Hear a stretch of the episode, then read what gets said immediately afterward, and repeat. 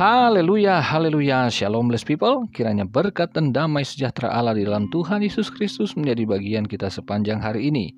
Jumpa lagi dengan saya Pendeta Theodorus dalam Renungan Kristen. Hari ini kita akan membahas tentang Tuhan itu baik bagi umatnya di masa sukar. Terambil dari kitab Peratapan pasal 3 ayat 25 sampai 26. Begini firman Tuhan.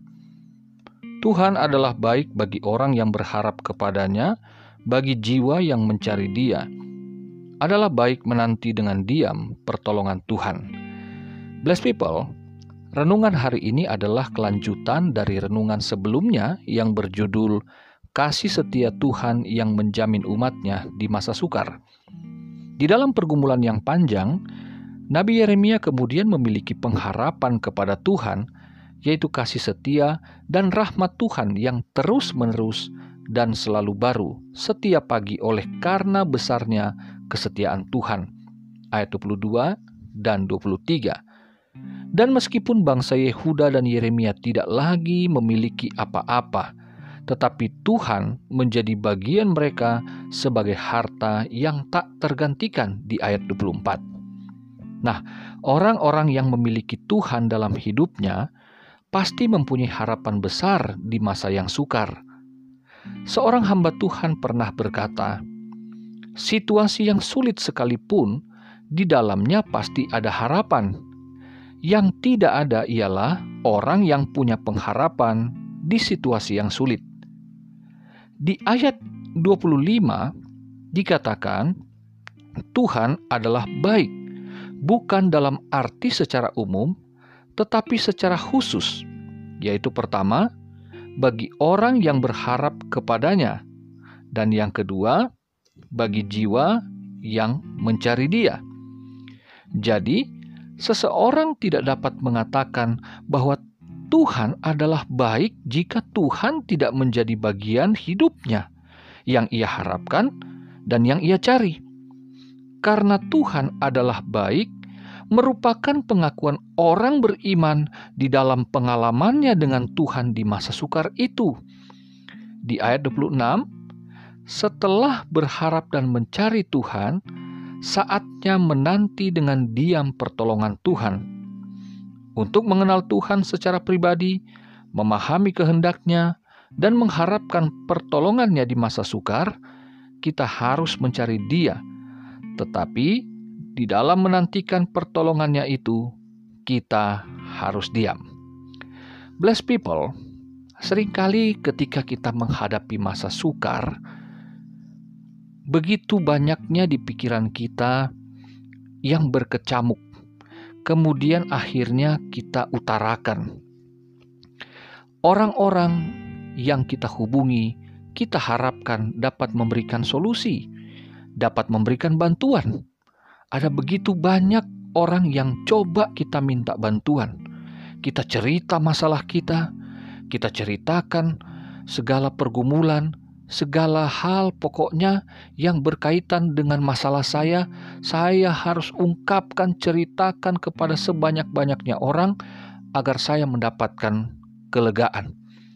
Tetapi saudara, ketika kita semakin banyak berbicara mengenai masalah kita, kepada orang lain, yakinkah saudara bahwa saudara akan menemukan jalan keluar, ataukah justru akan menemui masalah baru? Karena semakin banyak saudara bercerita kepada orang lain, maka kemungkinan persoalan saudara akan beredar ke mana-mana, bukan untuk mendapatkan solusi, tetapi saudara akan mendapatkan masalah baru. Karena bisa saja cerita tentang saudara, masalah saudara kemudian diumbar keluar, kemudian ditambahin bumbu. Ada orang yang saudara ceritakan memang bersimpati, memang berempati, tetapi mungkin juga ada yang justru menjadikan masalah saudara sebagai bahan gosip. Apakah saudara siap untuk menerima kenyataan ketika kemudian saudara mendengar sana-sini bahwa orang yang di luar saudara ceritakan menceritakan dengan pandangan yang negatif dan bahkan cenderung mempermalukan saudara.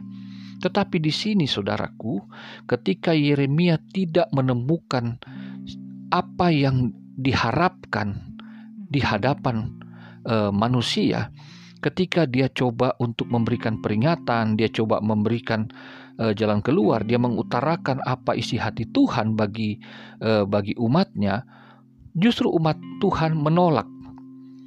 Semakin ia mencari tahu, maka ia kemudian menemukan bahwa betul-betul tidak ada manusia yang dapat diharapkan. Itu sebabnya Yeremia kemudian kembali, dan dia akhirnya berkesimpulan lebih baik berdiam diri di dalam menantikan pertolongan Tuhan.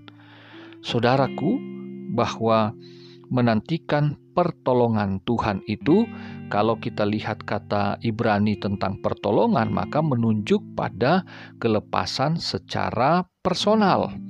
Jadi, masalah yang dihadapi oleh Yeremia adalah masalah satu bangsa. Tetapi hal berbalik kepada Tuhan itu harus dimulai dari personal dari masing-masing individu yang menyadari kehidupannya seperti apa di hadapan Tuhan, sehingga kesadaran secara eh, komunal inilah yang kemudian menjadikan pertobatan nasional, sehingga Tuhan kemudian menyatakan belas kasihannya untuk membebaskan mereka. Tetapi, saudaraku, segala sesuatunya ketika kita merasakan beban itu maka tidak ada jalan lain bagi kita untuk menyatakan segala isi hati kita kepada Tuhan. Hanya dialah yang dapat dipercaya dan dapat diandalkan. Karena ketika kita bergaul dengan Tuhan, kita merenungkan firman-Nya, kita akan mendapatkan pengharapan dan kita akan menemukan bahwa sungguh hanya kepada Tuhanlah kita dapat jalan keluar karena Tuhan sendiri itulah jalan bagi kita. Ingat, Yesus pernah berkata, "Akulah jalan dan kebenaran dan hidup." Saudaraku yang terkasih, marilah kita semakin berdiam diri ketika menantikan pertolongan Tuhan. Mungkin tidak enak menunggu itu, tetapi percayalah bahwa yang tidak enak, yang kita derita, dan kita tidak umbar ke mana-mana, justru pada akhirnya kita akan melihat jalan keluar titik terangnya dan Tuhan memberikan pertolongan yang mengagumkan bagi kita semua. Saya pernah mengalaminya tetapi tentu terlalu panjang kalau saya mau bersaksi, tetapi saya dapat bersaksi Tuhan tidak pernah terlambat di dalam menolong ketika kita berdiam hanya menantikan Dia. Saya hanya andalkan Dia dan betul-betul saya melihat Tuhan tidak pernah tinggalkan saya dan keluarga saya. Selamat beraktivitas, selamat bergumul, dan selamat untuk berdiam diri sampai Tuhan datang menolong saudara. Haleluya, bless people.